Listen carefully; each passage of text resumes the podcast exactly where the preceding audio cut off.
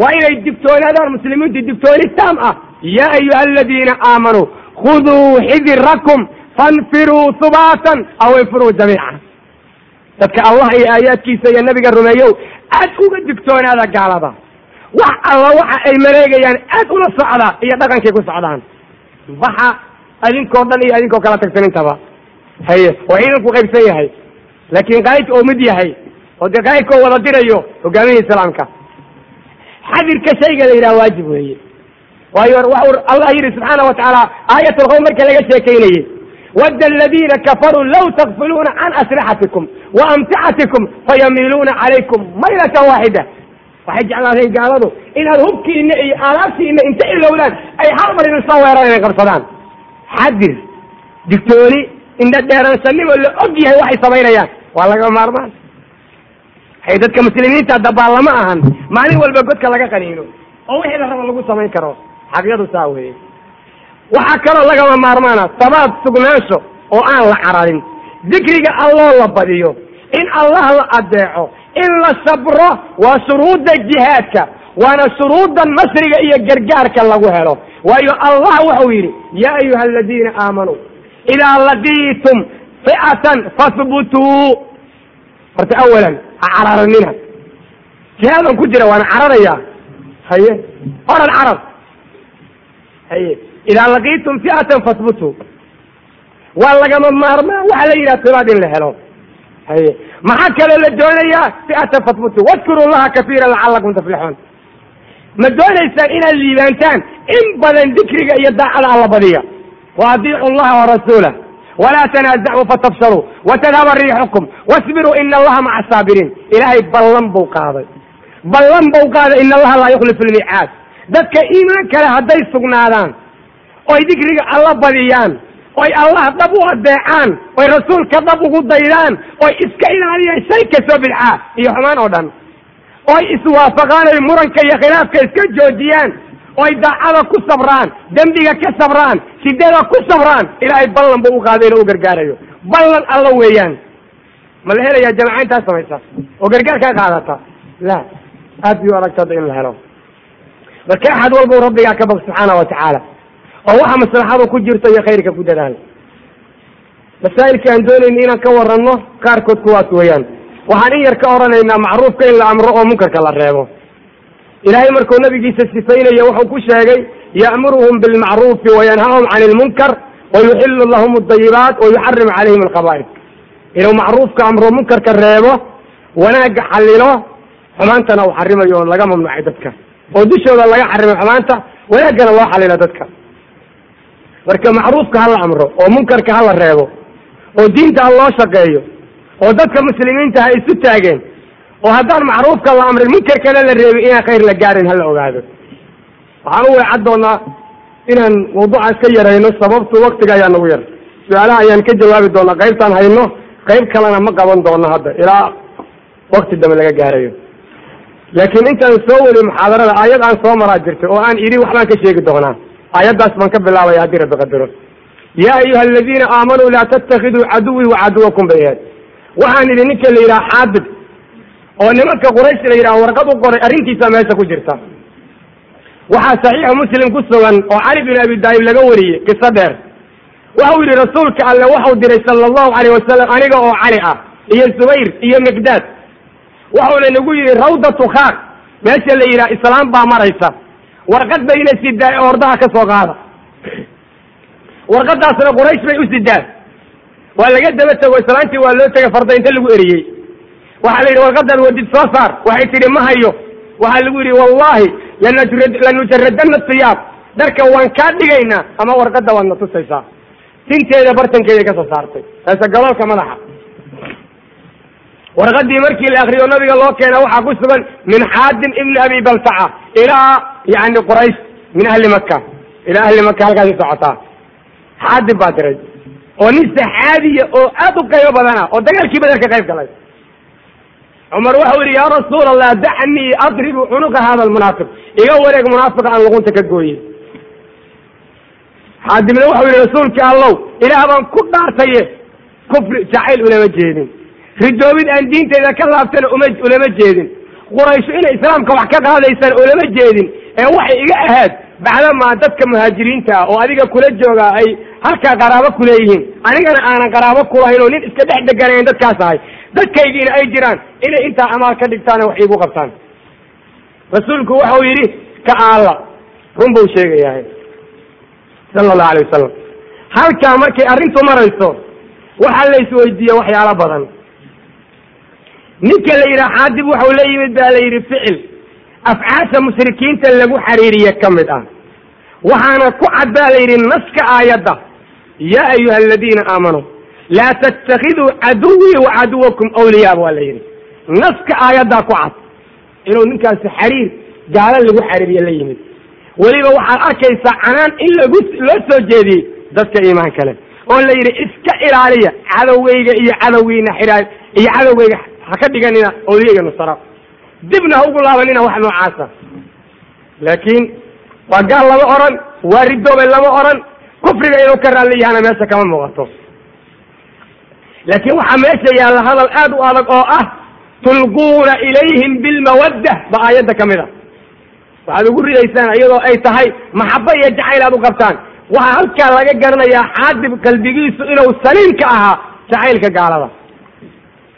Arrintuna way ka noqotay waxbuuna istusiyey taawiil baana u muuqday. Iyo arrimo. Taasaa laga garay. Qalbigiisu saliim buu ahaa.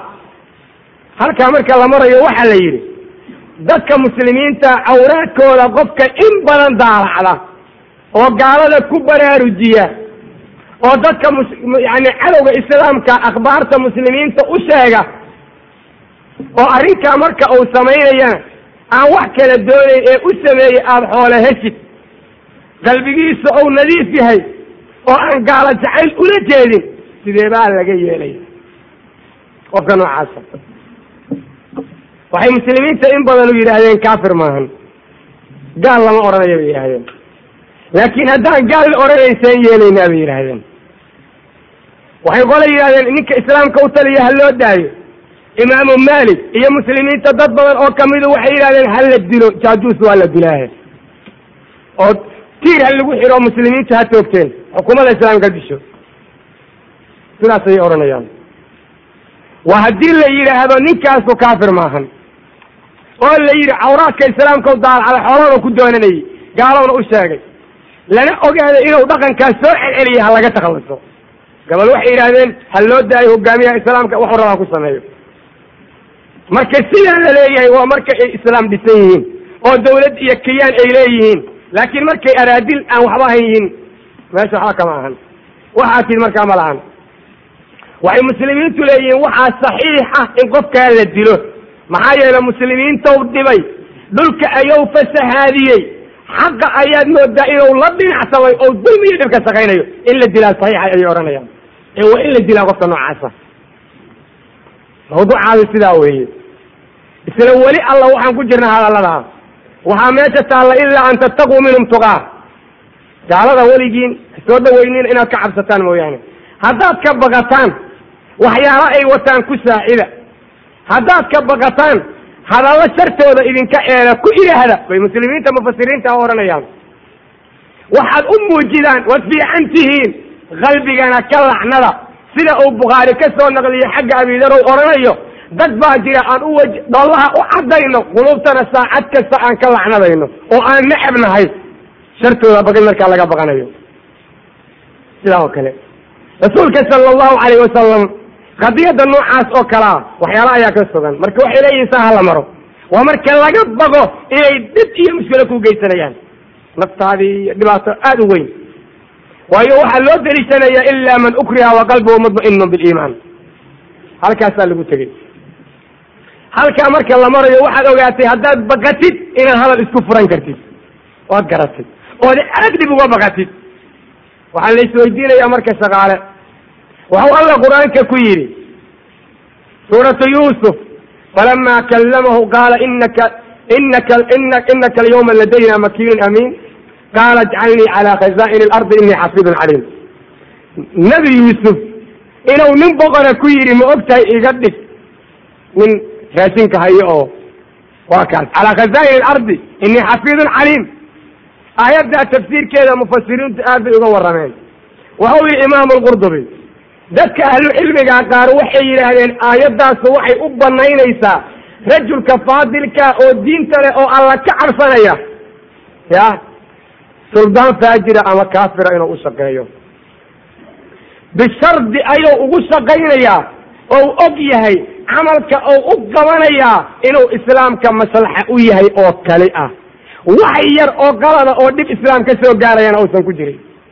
Shardigaasuu ku shaqayn karaa bay leeyihiin siday dadka islaamka oranayeen aayadda markay dix raacayaan. Waxau yihi nin la yidhaha abu sacuud oo isaguna tafsiir iskale. Aayaddaasu waxay daliil u tahay dadka noocaasa oo yani yani jaa'iriinta ama kaafi gaalada ah oo salaadinada meel haysta in laga dooni karo maamul. Bishardi ninka shaqadaa dalbaya inuu uwood u leeyahay inuu cadaala ku oogo halkaa makaanka ou u taliyana shareecada axkaamteeda ou ku fuliyo maamulka saraba jaa'ir ama kaafir gacanta ugu jira hadduu dooneen. Hay u fiirso. Wasaaradda iyo wakaaladda aad u talisid. Od adigu meeshaad ka aad ka aad yani wax ka qabatid waa inaan islaamka in yar loogu dhibi karin. Shareecadana waa inaad si kasta ugu fulidaha markaas waad qaban kartaa la yidhi. Xaaladdu waxay maraysaa halkaas. Ninka la yidhaha ibnu taymiya ayaa la weydiiyey oo la yidhi bal ka waran ninka mas'uul yani tala u qabtay oo wilaaye iyo wax ku yeeshay nin dhaalim ah ama faasiq ah ama kaafir ah. Waxau yidhi ninka jagadaa qabtay haddau jagada u qabtay dulmi uga hortegayo cadli iyo wanaag oo ku soo saari karayo dad islaama oo la dhibayana oo dhibka ka difaaci karayo gacantiisana aan in yaroo dhib ku imaanaynin jagada ha qabto. Dadan intaa samay karin isaga tag meesha. Saas baa lagugu odhanaya bal aad ha u maqleen dad badan baa waxay aad uga caroonayaan marka laga hadlo waxyaalahan. Diinta islaamka waxaa sheegaysa waxba ha caroonina. Halka xaaladdu markay marayso muslimiintu waxay ka hadleen shaqada la qabtaa waa meeqa. Saddex bay u kala qaadeen. Oo loo qabto dadka aan diinta lahayn. Waxay dhaheen qofku waa inuu qabto camal in yar oo kaalmo iyo gargaara aysan ugu sugnayn ninka maamulka meesha ka haya oo madaxda ah. Qawaaniin iyo lawaaix qoran. Lawaaixda waxyaala la soo qoraa la yidhaah oo la soo gudbiyo usbuucii mar iyo qaanuun degsanna aan meesha lagu xakumi karin. Oosan isagu xakumayn saxiixayna warqad qaanuunka noocaasa oo ku yaallo. Oosan saxiixaynin qawaaniinta kaafirada ah axadka noocaasa meesha uu shaqadaa ka hayana daatadeeda uusan camalku xaaraan u ahayn oo camal asalkiisa diinta ogasha uu yahay. Qofka noocaasu waxay leeyihiin waa shaqayn karaa fa haadaa laa shaya fiih insha allah culammadu insha allah bay ku xidheen ilaahay hadduu doono waxaa la rijaynayaa inaan halkaa dhib ka jirin bay dhaheen inta shardiyo lagu xidha arag camalku waa inuusan daatadiisa xaaraan u ahayn qaanuun ay gaaladu leedaha waa inaadan meesha ku fulinaynin lawaaix iyo qararo lagu soo qoro waa inaadan meesha ku maamulaynin waa inaan in yar oo dana ugu jirin ninka maamulka sarahaya waad qaban kartaa waxaa la rijaynayaa inaan dhib jirin bay yidhahdeen camalka labaad oo daba yaallaa waxa weeye camal asaga daatadiisa ay xaaraam tahay. Daatadiisa bunug rabowiye iyo warshado khamro iyo shay waxyaalo kale iyo caynisye iyo waxyaalaha noocaasa waa camal daatadiisa ay xaaraan tahay. Suldaan kaafira iyo suldaan kayru kaafira nina looma qaban karaa taas. Nin looga shaqay karaa ma jiro.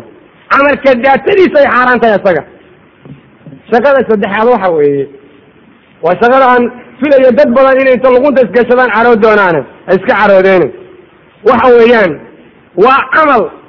Shaqada uu ku qabanaya qofkaas ay ku jirto iqaasa kaalmo. Kaalmahaas oo deg deg ah oo mubaasharatan loogu kaalmaynayo ninka kaafirka ah ama jaa'irka ah. Mubaasharatan asaga ayay wax alla waxa la qabtaa si toosa u taabanayaan oo loogu kaalmaynayaan waa kaafir.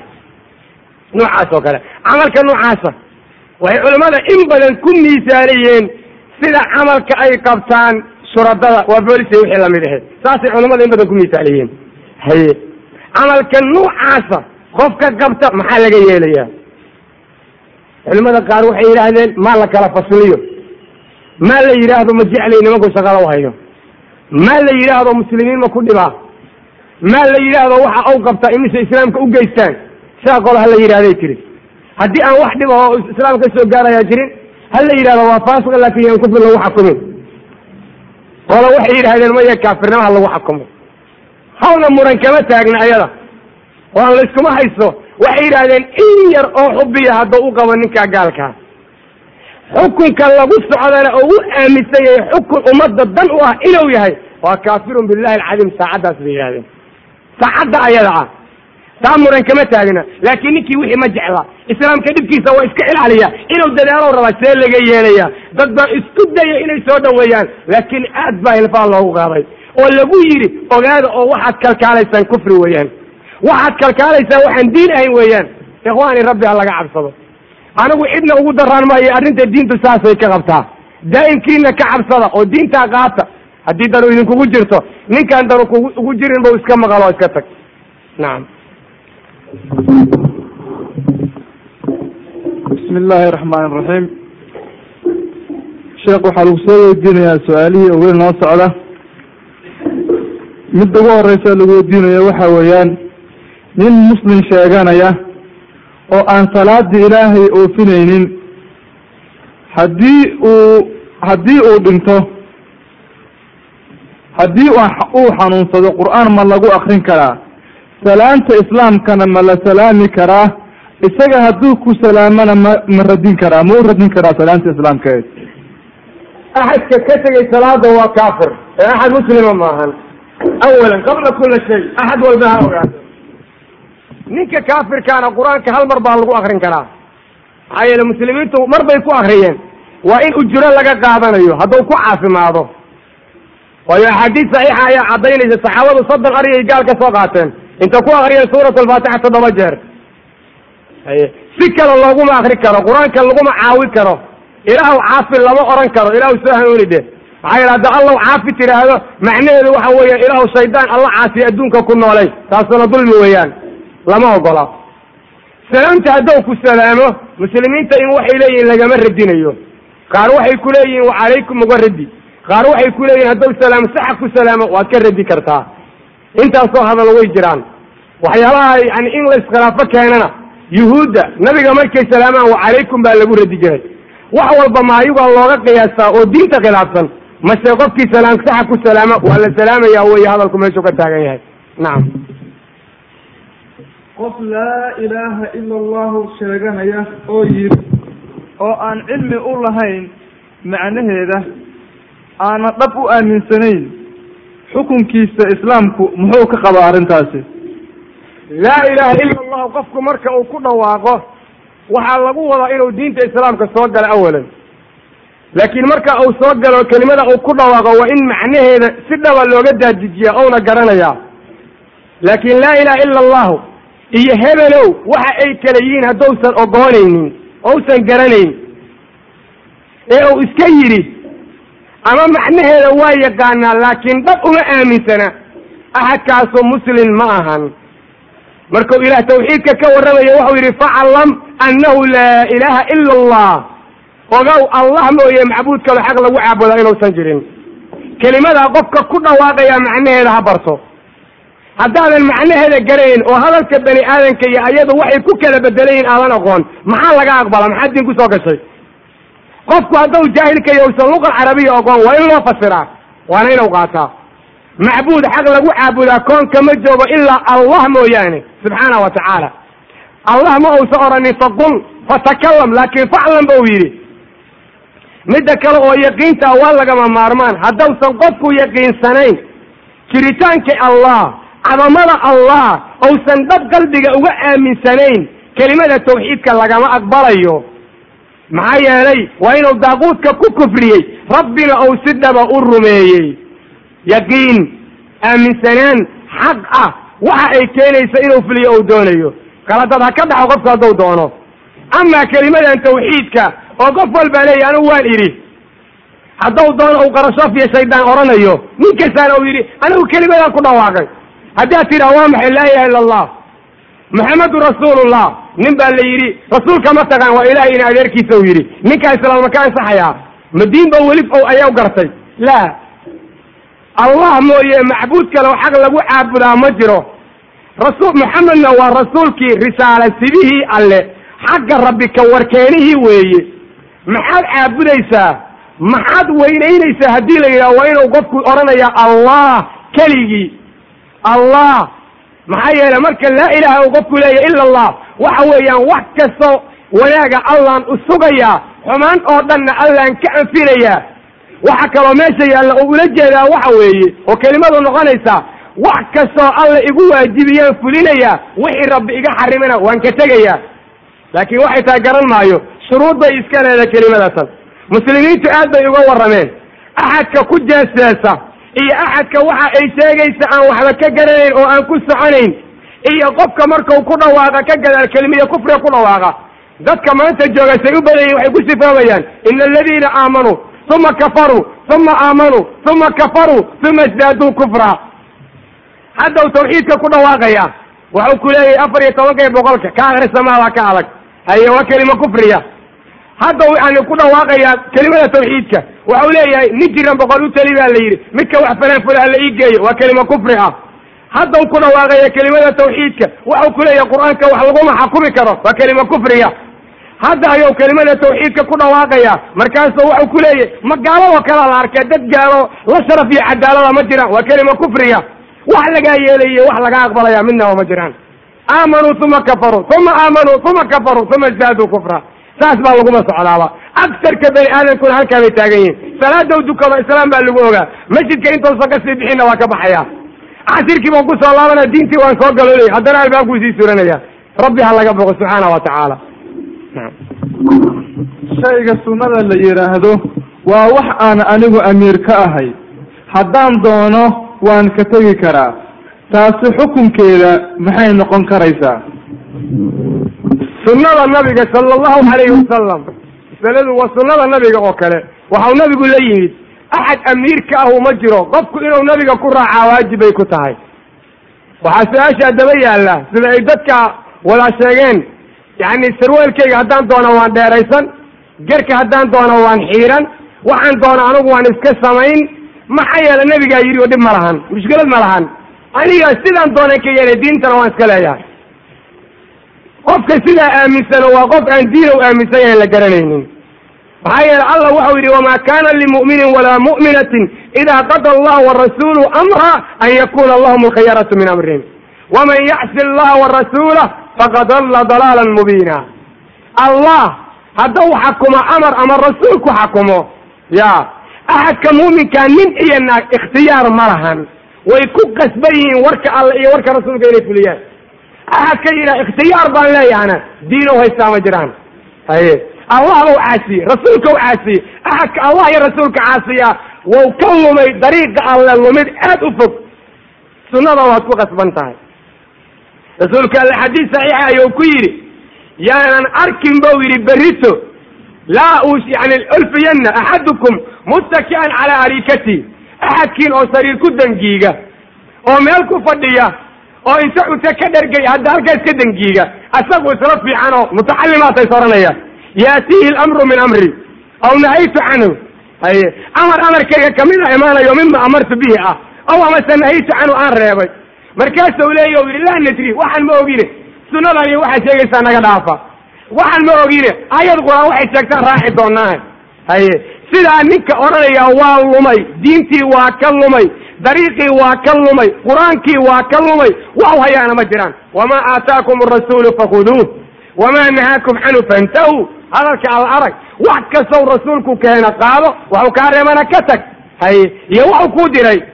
Qul in kuntum tuxibuuna allah faatabicuuni yuxbibkum allah xaggeed ayada indhaha ka geysatay. Haye war rabbi ha laga boqo subxaana wa tacaala. Dadka odhanaya nuuca waadada waxay hayaan la arag sarwaalkiisa inuu dheeraysto qofka caadada ka dhigtay. oo garkiisa xiirto fisqi ayuu daa'imay. waxauna noqday qof aan caadil ahayn markhaatina laga yeelaynin. waa caadi waxaa dadka noocaasa la mid ah fisqiga mushkilada yaabka badan aad ku arkaysid. waxaan suraalka wax u soo xaagaa dhulka. salaada markuu dukanayo waa laalaabin khaa'in weeye. haye ilaha salaada marka lagu jiro loo laalaabayo banaanka ma jooga miya. haye diinta waa masjidka. calmaaniyadaa qabtee ma ogtahay diintu masjidka weyo salaada ku dugduka masjidka suuqa iyo guurka iyo dhaqanka iyo macaamilka kale iyo waxaa diinta ha soo gelini. Xafiiska diinta ha keeni diinta masjidka ha culimada masaajidka lagu ogaa. Marka markaa masaajidka soo galo suraalka waa laabana culimadana su ekaysin markaan ka baxana waan sii daysoon ciyaalbiid baa noqono. Waa kaasoo dhulkan ku soo xaaqay. Khalaas. Oo rabbi ha laga boqo subxaana wa tacala sheekadaas wax jira maahan. Naam macallin qur'aan macallin qur'aan dhiga ayaa waxa uu dadka ku waajibiyey in qof kasta uu bixiyo qiimo go-an. Tusaale ahaan marka uu jus dhameeyo waxa uu yidhi hala keeno neef ri ah. Haddii uu qofkaasi dhameeyana sida geelka oo kale arrintaasi maxaa ka jira? Macallinka isaga ah xoolaha uu cunayaa muslimiintu in badan waxay ku xakumeen inay xaaraam yihiin. Wa ficlan waa iska xaaraamo cune laa shakka inuu sidaa yahay. Laa shakka inuu sidaa yahay. Axaadiis saxiixa waxay ku soo aroortay sida rasuulka ka sugan sala allahu calayh wasalam inuu saxaabadiisa ku yidhi iqra'u lqur'aan qur'aanka akriya oo wabtaguu ku dalba ilaahay wejigiisa.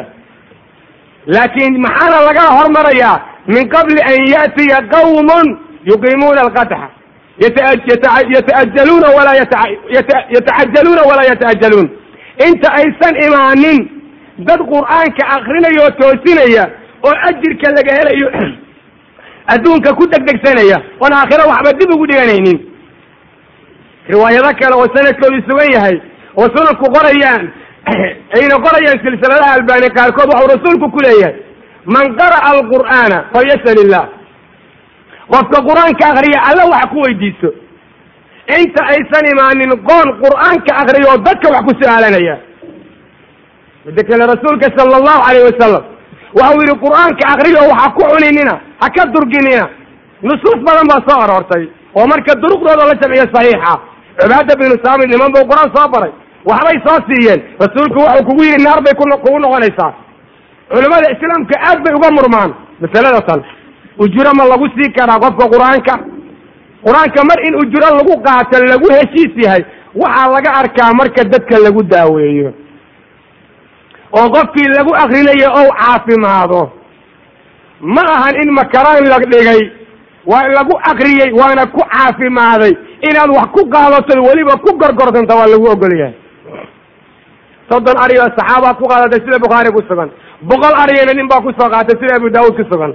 Ay waa la ogolyahay markaa wixii ka soo haray calaamadi su'aal baa dul saaran.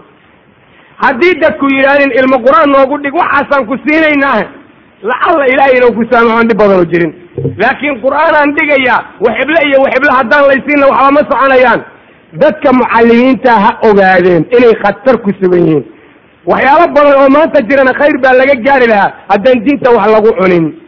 Rabbi ha laga boqo.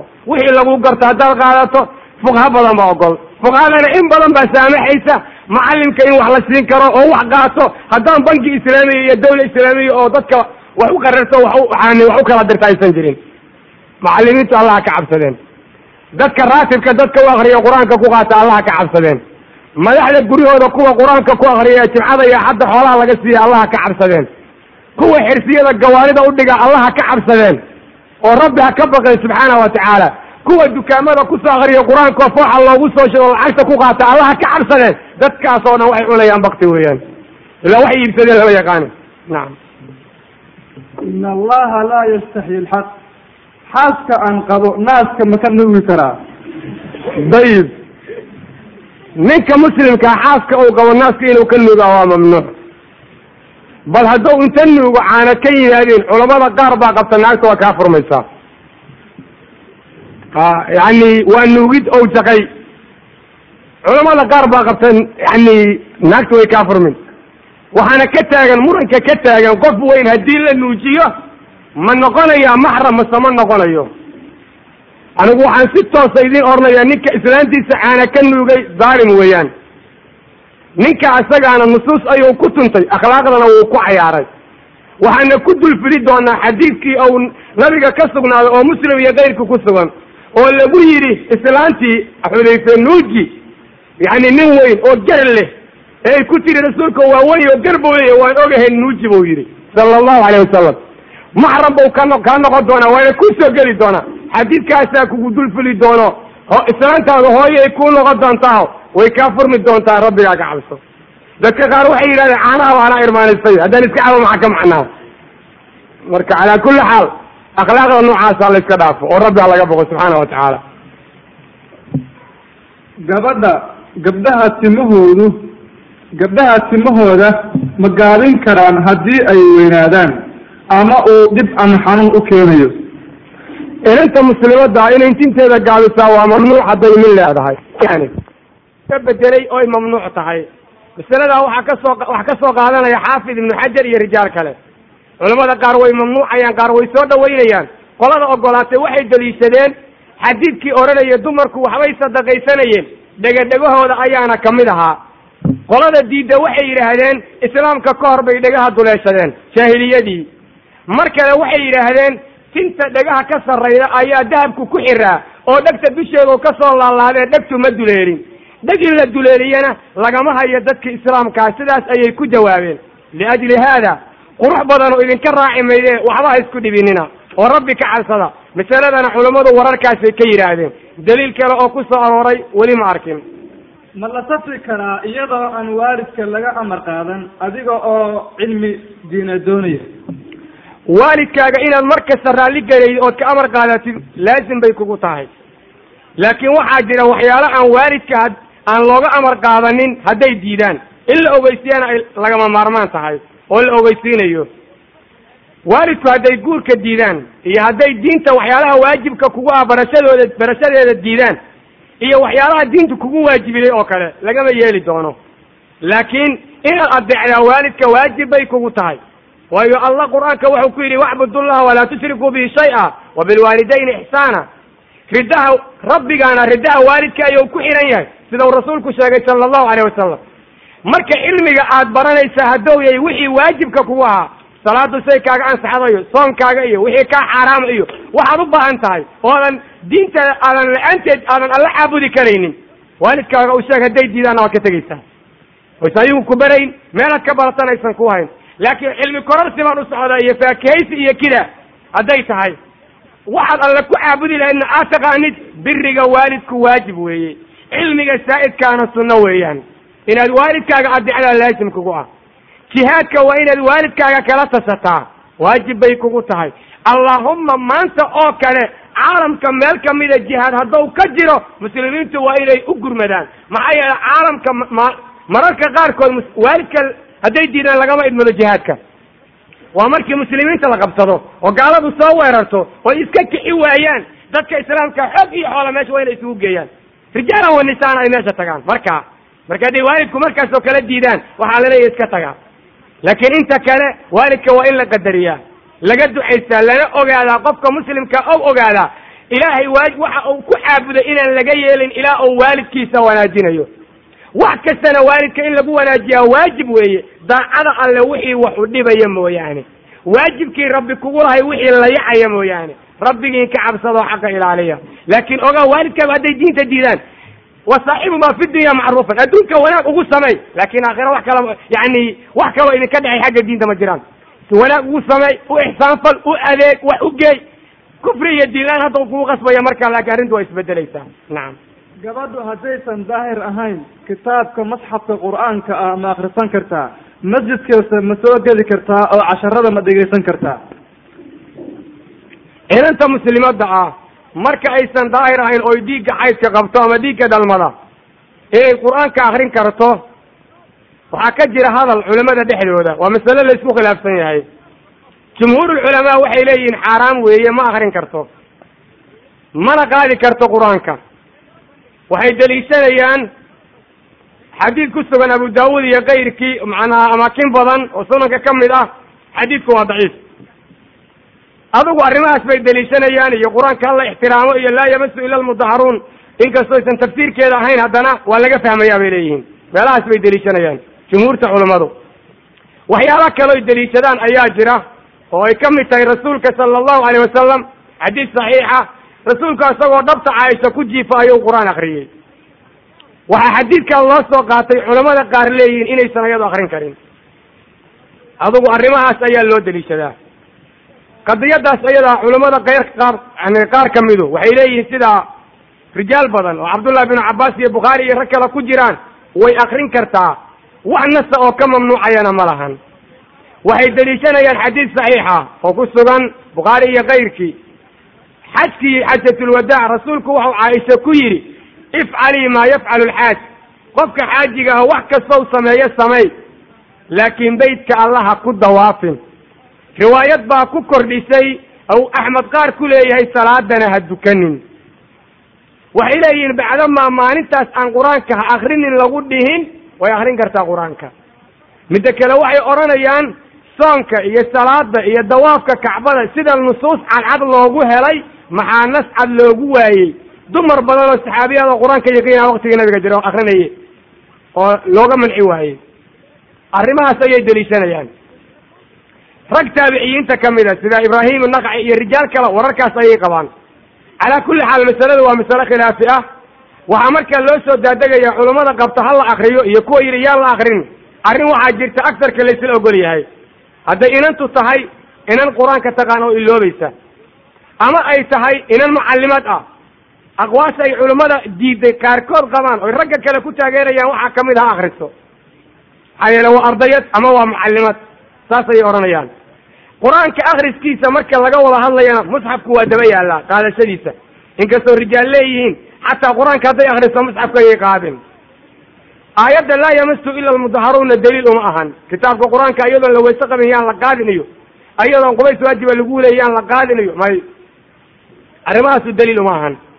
Marka masalada khilaafkaasaa ka jira qofka doonaya inuu dhab u ogaado bukhaari wuu ka akrin karaa kutubta sunanka sharaxdana waa laga akrin karaa waa la ogaan masalada ayadaa siday tahay. Laakiin ma ahan inuu qofku yidhaha diintii baa laga baxo balaayaa dhacdo xaggay ka timid.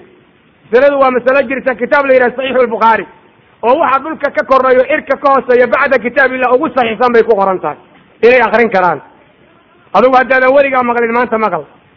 Inanta xaa'idada masaajidka inay soo gashay fadhiisato ay wax ku dhegaysato looma baahna. Arrinka isaga ah arrin laga doonaya ma ahan walaa junuban ilaa caabiri sabiilin xataa taktasilu laba macnoy culammadu isku hayaan baa jirto macnana loo badanyay macnana laga la leeyahay waa laga raajaxsan yahay oo ah qofka janaabada qabaa masjidka iyo sooba gelin ilaa inuu xagga uga gudbayo mooye inuu fadhiisto iyo noocaas lama ogola haweenta xaa'idadaana waxaa loo diidayaa masaajidka xadiid baa jira odhanaya haweenta xaa'idada iyo ninka janaabada qaba masaajidka iyay soo gelin xadiidka isagaa ducfi baa ku sugan oo culamada qaar waxbay ka sheegayaan calaa kullin masalada ayada ah dadka muslimiinta waxay odhanayaan haween xaa'idaa masaajidka looma ogola. Sidaa loogu diiday inay beytka alla dawaaftay ayaan loogu ogolay inay fadhiisato inay dhex joogto ama muruurka la marayo fuqahada qaar baa qabta haddaan dhiig ku difaynin waa la mari karaa. Nacam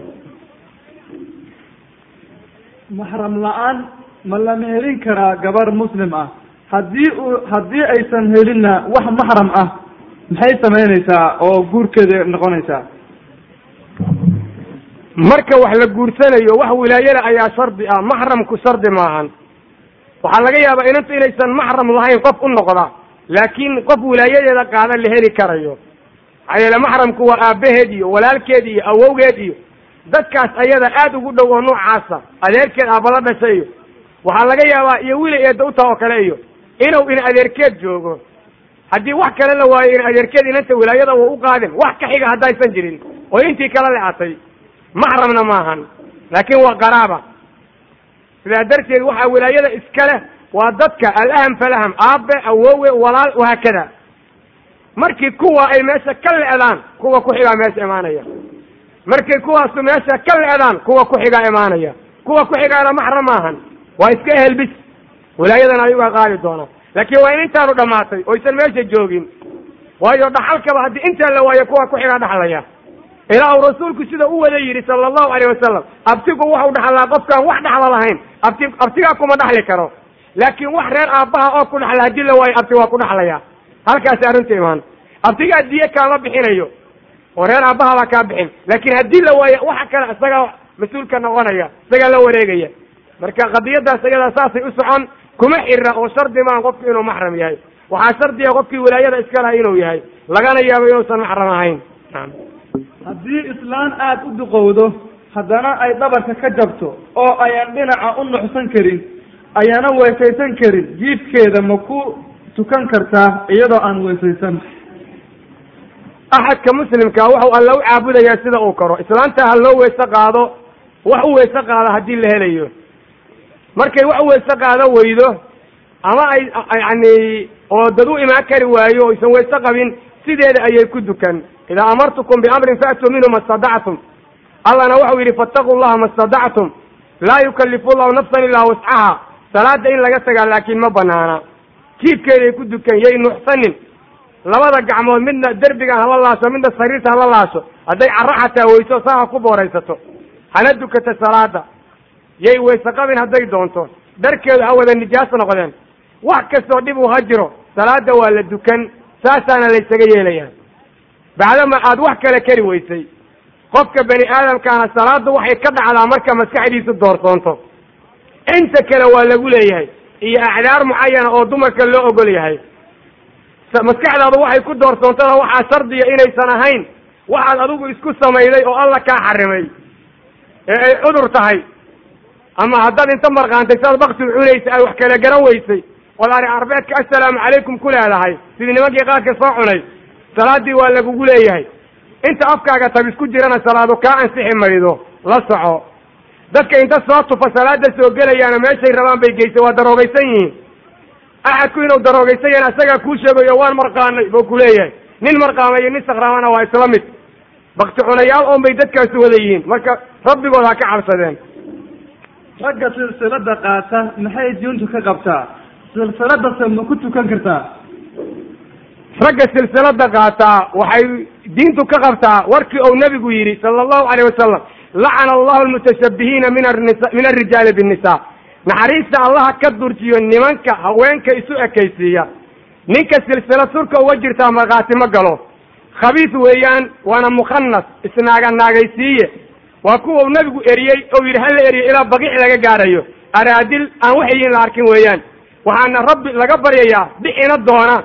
Sida uu aidisba ugu keenay qoladii zinada inuu nimankaa naasa ka soo saaro mar dhow. Si ay u noqdaan kuwa si dhaba u ceebooba rag waaweyn oo gobol aan la yaabo mararka qaarkood intay leegiin iyo caloolahooda iyo xoogga ay leeyihiin oo silsilad qabaad arkin. Waa maxee maxaa ka macnano maya saaxiibaday baa siisay. Haye sidaa ku socda marka ha laga dhigo waxaa sharaf iyo qaymo. Salaada ansixitaankeedu mawduuc kale weeyaan laakiin dadkaasu araadil khubato ah oo waxay yihiin la arkin weeyaan ninka silsilad qaba iyo ninka dheg durtay oo dhagaha dilaacsaday iyo waxyaalaha dumarka lagu yaqaano u gaarkaa dadka samaynaya rasuulku waxau yidhi naxariista allaha ka durjiyo meel raxmad alla taallana alla ma keeno. Sidaas ayuu yidhi. Hadday reer magaalnimo idiin aheed hordaa sameeya dad badanow rabbigiin ka cabsada. Dadka noocaasana waxba yaan laga yeelin. Gabdhahiinana yaan lagu darin. Nacam diintu maxay ka qabtaa cabitaanka sigaarka?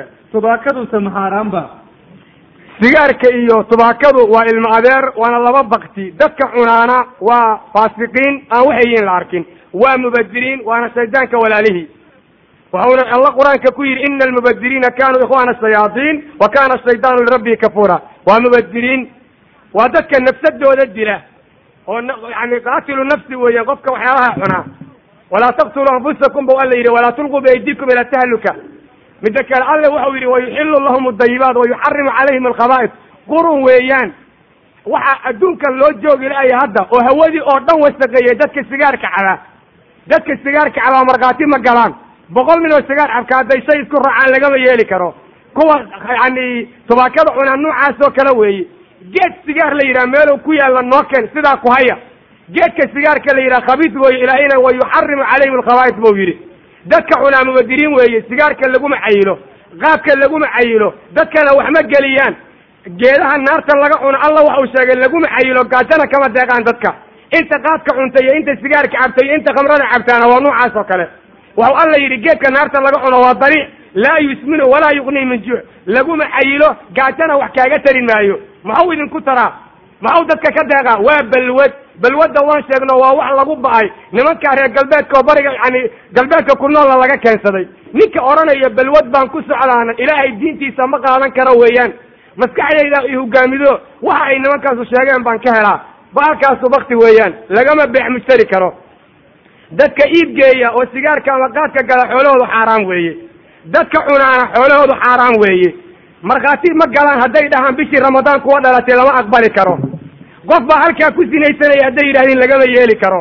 Sidaa darteed waad aragteen in alla inta wax ka sheegtay diinta islaamka oo xijaabka cayda oo dimuqraadiyada jecel oo waxaa daba orda agsarkooda ama way qayilaan ama sigaar bay cabaan inay khubasan yihiin waad ka garanaysaa. Dhididkoodaasoo uraya dulsa badanaa dumarkana nool miyaysan beri aadan ahayn may ka cararaan kuwan annagaa la dukana oo dariiqadooda marila haye markaasi waaba la jiifaanba nimanka urkoodii meel laga jooga lala yahay haye ma isgaranaysaan waxba ha ka caroonine qurunkan waad barateen iska deeye. Ma iska day karo waa biyo awalku bara. Shaydaankii kugu sheekeeye iska dir oo rabbigaa ka baq subxaana wa tacaala. Alla dartiina uga tag. Sidaa la socda. Waxaasu qurun weeyaan. Nin alla ninkii diidi lahaye ninkii kalena noocaa weeye. Waxaa laga yaabaa meelaha inaad ka ahaalasaan siyaasa la gala iyo lugahana lala soo gala iyo waxaan leeji diintu ayadaa siyaasada wax walbana lugaha kula jirta. Wax walbana ka warramaysa. Waxay diidda maxaa adiga ku geliyey. Rabbigaa ka subxaana wa tacaala oo diintiina ha ku cayaarinina. Waxaa jirta qof dumar ah oo nin qabay. Waxaana waxa uu ku qabay magaalo kadibna waa uu ka tegey. Waxa uu ku nool yahay magaalo kale. Mar kastana waxay u dirtaa waraaqado. Isagana waraaqadihii waa helaa. Mana uga soo jawaabo.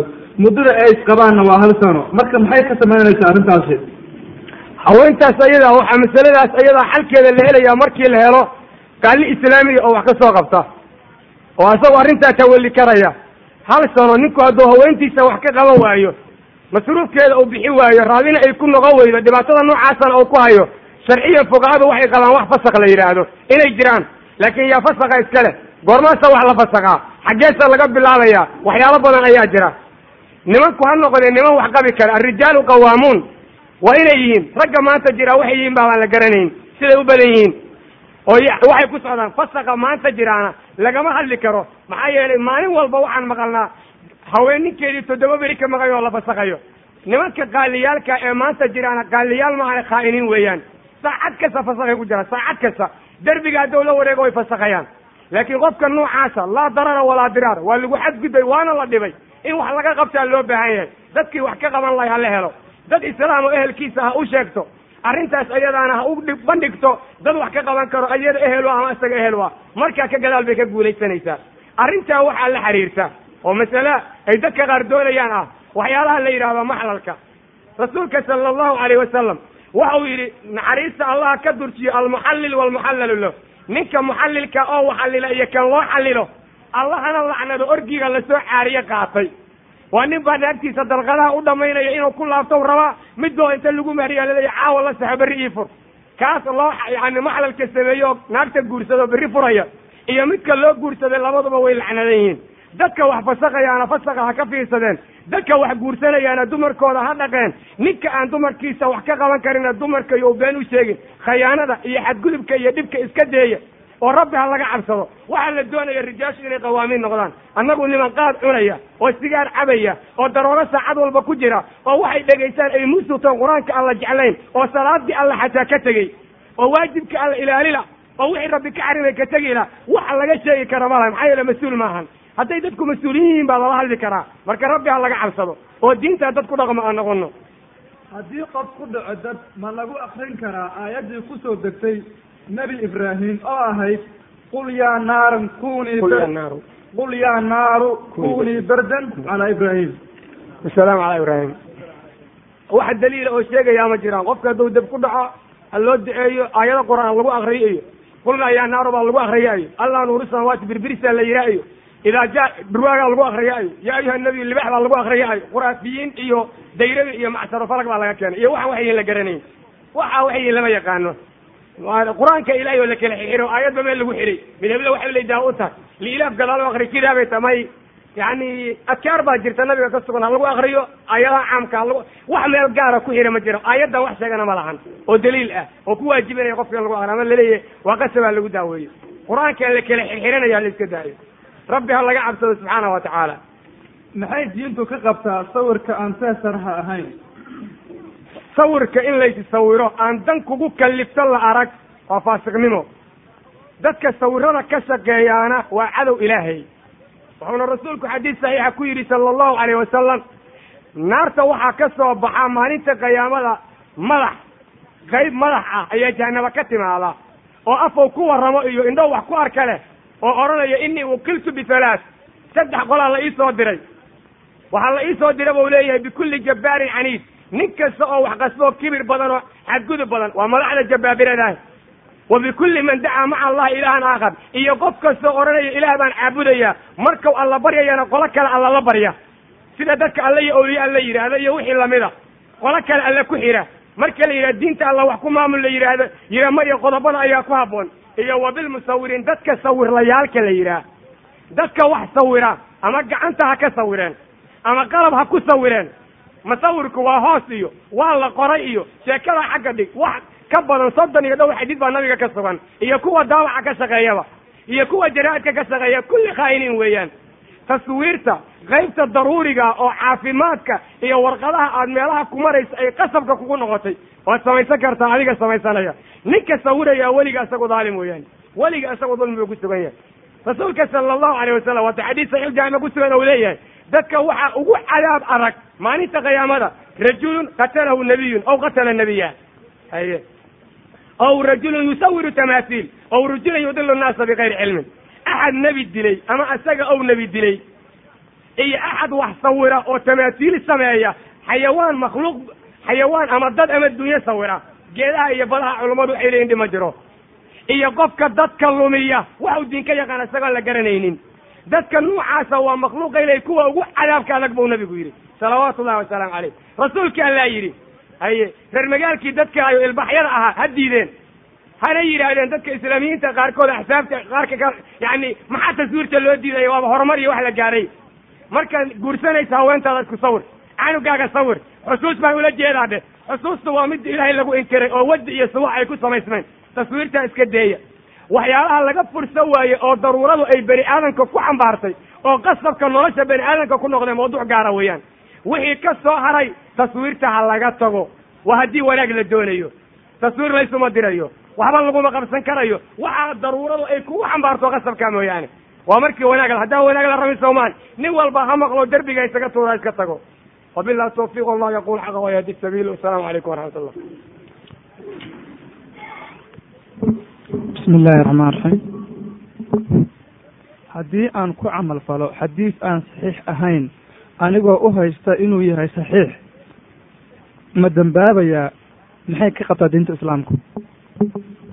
Axad walbo muslima waxaa waajibka inuu barto diinta islaamka wixii uusan garanayn. Xaraf walbana markii uu ogaado ayaa dhaqangelintiisu waajib ku tahay. Bacdama uu xadiid nebi ahaa oo u haystay inuu yahay saxiix ee uu sidaa ugu dhaqmay maalinta uu ogaado inuu ka taga ayaa waajib ku ah.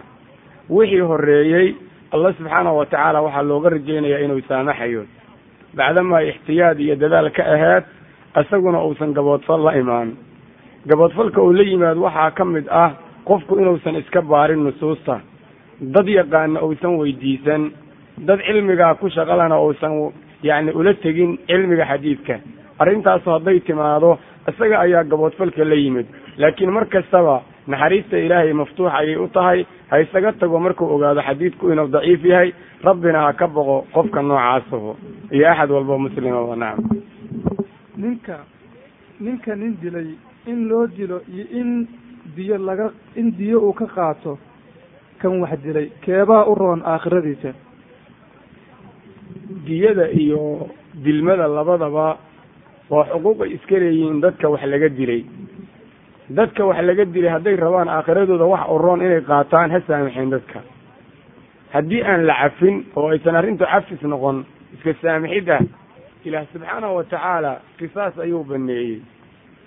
Haddii aan qisaas la helin oo aan qisaas dhicin faman cufiya lahu min akhiihi shay-un faitibaacun bilmacruuf wa adaaun ilayhi biixsaan dalika takfiifun min rabbikum waraxma oo meeshaa waxa yaalla kii la cafiyey. Si fiican waxa u bixiyo oo la yidhi lagu yani dilkii waa lagaa dhaafay. Kii diyada qaadanayana si wanaagsan dadka diyadaha uga qaato yow ku xadgudbin. Xumaanna yaan laysku samaynin. Markaa ka gadaal haddii uu xadgudub la yimaado cadaab aliim ayuu iska leeya alla yidhi bacdama uu qofkii walaalkiisa ay dilkii ka saamaxay ee uu xoole ku bedeshay ilaahayna uu takfiif ku sheegay kollay khayr waa leeyahay oo dhibaata yacni ayuu ka furtay qof laakiin ajir la taaban karo qofka doonaya oo aada u fara badan oo yacni doonaya inuu alla agtiisa khayr badan kala kulmo waxaa laga doonayaa inuu iskaba saamaxo qofka kan. Laakiin haddaadan saamixin ood xoola qaadatid. Lacalla waxaa laga yaabaa adiga ina inta muqaaranaysa aad istira xoolaha wadana kugu jirtaa. Ood istiri kacoodo walaalkaa haddii arrintu hadday sidaa noqoto mar kastaba waxa weeyaan xaqaad adigu leed oofsatay. Ama xaqa fududay ama ha fududaynina qofkan wax dilana ilaahay sida uu rabo ayuu ka yeelaya subxaanahu wa tacaala. Laakiin adiga haddaad khayr doonaysid inaad saamaxdo ayaa kugu wanaagsan. Nacam haddii ninkaygii oo kanada jooga uu i yidhaahdo siiso ayaan kuu soo dirayaa ee ee soo dhoof oo aan dhaho dhul gaalo ma rabo miyaan caasiyey ninkaygii? Inanta muslimadda ee sidaa tidhi ha ogaato inay dumarku ha ogaadaan inay waajib ku tahay inay nimankooda kula noolaadaan meel kastoy ku nool yihiin oo ilaahay lagu caabudi karayo. Waa meel kasta oo ninku ku nool yahay oo ay suuragal tahay alla in lagu caabudo shicaarka diiniga in laga muujiyo. Oo inantu xijaabkeeda ay ku xihan karto ilaahayna ay ku caabudi karto inay kula noolaataa waajib bay ku tahay. Inantaasi waxay ku doodi kartaa intaana wax kala gelin. Ha tiraahdo maxram aaway. Maxram inay weydiiso ayaa u furan. Laakiin hadallada kale oo ah anigu dhul gaalo kuma noolaanayo dhul aan gaala lahayn horta adduunkan hadda ma kuma yaallo. Laakiin islaamkaa ku kala badan amaakinta qaarkii. Xukun islaam meelow ka jirana lama garanayo. Waxaase meesha yaallaa waxa weeye meel shacaarka islaamka laga muuji karo alla dhab loogu caabudi karo iyo meelaan loogu caabudi karin. Dhib kasta isagoo jira. Meesha haddii alla lagu caabudi karo oo diinta ilaahay laga helayo oo aan dhibaato ka jirin kale oo dhibaatada gaalada caalamka ay ku hayda ka saa'ida inantu waa inay ninkeeda la noolaataa. Shardi haddaan marka hore laga dhigin in ay yacni aan meel magaalada ay ku dhalata mooye inaan meel kale la aadin. Walaakin waxaa u banaan inay tiraa maxram la'aan maya. Waxaa u banaan inay ku tiraahdo anigu diinta islaamka barashadeeda ayaa igu waajiba waxyaalaha xalaasha iyo xaaraanta aan ku kala ogaanayo. Oo inuu isagu baraa. Hadduusan bari karin meel ay ka barato inuu geeyaa laazim bay ku tahay. Way ka hadli kartaa. Laakiin meel kasta oo ninku ku noolaan rabo inuu sawj yani sawjadiisa ay kula noolaataa qasab weeye. Dumarkuna waxyaalo badan oo ay ku socdaan sharcado shareecadu ma waafaqsanaa oo ay ka mid tahay inay jeceshay gabadhu meel mucayana in lala dego. Makaanka mucayanka waxay jeceshay inay ninka ku qasabto. Hadduu diidana waxay jeceshay inay ka tagto. Taas arrin diiniya maahan. Laakiin waxaa diinta waafaqsan. Marka la isguursanayo haddii shardi lagu lagu soo daro anigu meeleble waxaan hayn kuma noolaanayo ee uu shardiga ogolaado kama bixi karo berrito. Sida nusuus saxiixa laga fahmayo culammada qaarna ay u daliishadeen balse waxaa laga doonayaa dumarku inay kuwa hagaagsan oo rabbigood ka baqa oo ragga raalli garayo ay noqdaan. Nimankana waxaa waajibku ah inay dumarkooda dhaqaaleeyaan qawaamada iyo maamulka looga baahan iyo diinbaridda iyo xaaraanka ilaalidda ay ku dadaalaan. Dumarka ay keligood leeyihiin noo soo socdaal oo fiisa soo qaatana ay iska joojiyaan. Hadday khayr doonayaan. Nacam haddii qof gaal ah uu ku yidhaahdo waan muslimayaa ee kitaabka marka hore ii keen aan akhristee ma loo ogolaan karaa inuu kitaabkaas aan u dhiibo? Kitaabka qur'aanka oo dhan nin gaala in loo dhiibay kama aysan dhicin dadka islaamka ahaa. Rasuulku ma samayn sala allahu calayh wasalam saxaabtiisuna ma samayn. Aayado ayuu nabigu u qoray dacwada loogu yeerayo.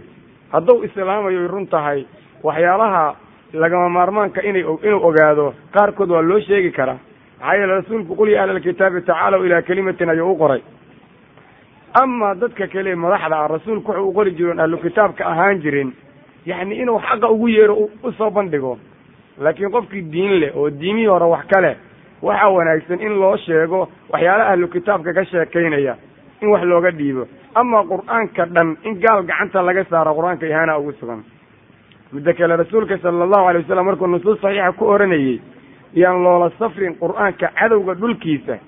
Waxaa meeshaa ku jira qur'aanku inuu nimanka gacanta u galaa la diidayay. Maanta gacantooduba ku jiraa waxay rabaan bayba samaynayaan. Ninkan gaalkaa kitaabkii ilaahay oo dhan haddaad faraha ka sahatid hadduu rabo waa isku taagtaagayaa waxuu rabo samaynayaa meelaha qaar waxaa laga yaabaa kitaabka qur'aanka in hadiye loo siiyo gaalo. Arrintaasu arrin diinta ku wanaagsan ma ahan. Bal qur'aanka ihaanadiisa ayaa ku sugan.